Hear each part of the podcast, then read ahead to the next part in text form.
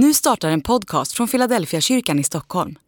Om du vill komma i kontakt med oss, skriv gärna ett mejl till hejfiladelfiakyrkan.se. Dag 26 Det som har fötts av kött är kött och det som har fötts av ande är ande. Johannes evangeliet kapitel 3, vers 6. Att vara kristen är att ha två drivkrafter parallellt. Det som är fött av kött är kött. Det betyder att jag kommer att ha kvar alla mina medfödda talanger, alla mina nedärvda gener och alla mina inövade beteenden. Naturligtvis kommer allt detta att påverkas av att jag blir kristen, men det är inget av det som bara försvinner.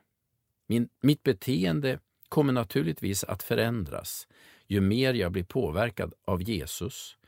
Mina arvsanlag kommer att triggas i nya inriktningar när jag blir en lärjunge. Men i grunden så är jag den jag är. Samtidigt kommer jag att få en ny identitet som Guds barn. Jag är inte bara summan av arv och miljö. Jag är också barn till Gud.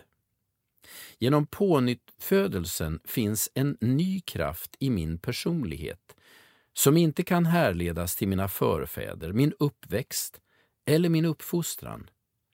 Det som har fötts av ande är ande. Den viktiga frågan blir vad jag väljer att ha mitt engagemang. Kommer jag att ge utrymme för det Gud har skapat i mitt liv mer än jag slår vakt om mina medfödda drifter och inövade beteenden? Andlig övning Fundera över hur du ger plats för det som Gud har skapat i ditt liv. Behöver du ta beslut om att ändra din livsstil eller dina vanor?